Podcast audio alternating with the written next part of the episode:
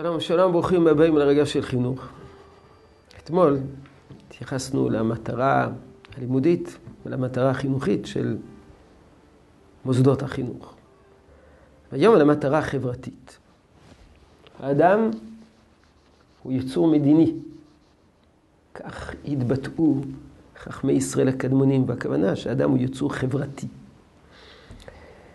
אם קביעה זו נכונה כלפי כל אדם ואדם, על אחת כמה וכמה, ופי כמה וכמה, בגיל ההתבגרות.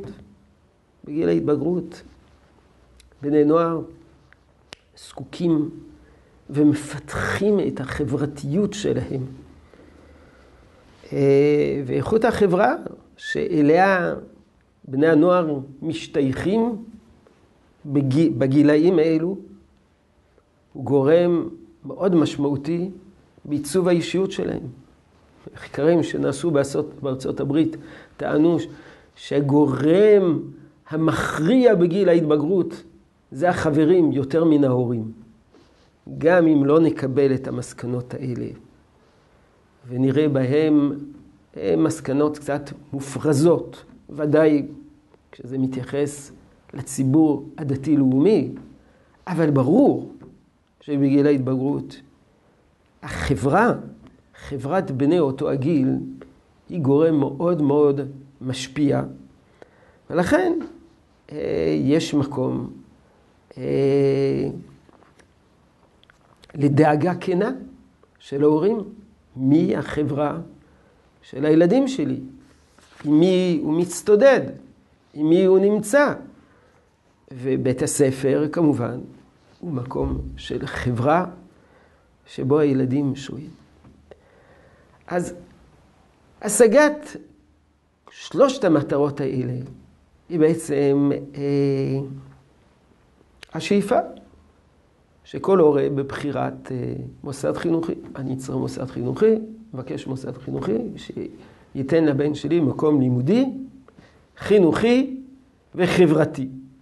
אם בית הספר מספק את שלושת המטרות הללו, זה אידיאלי, אין שום התלבטות. זה המקום, זה המקום האידיאלי, ואין כל מקום לפקפוק ולספק.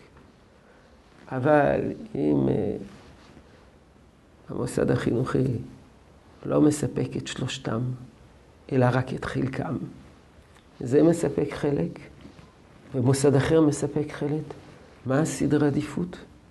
מה יותר חשוב? לימודי? חברתי? חינוכי.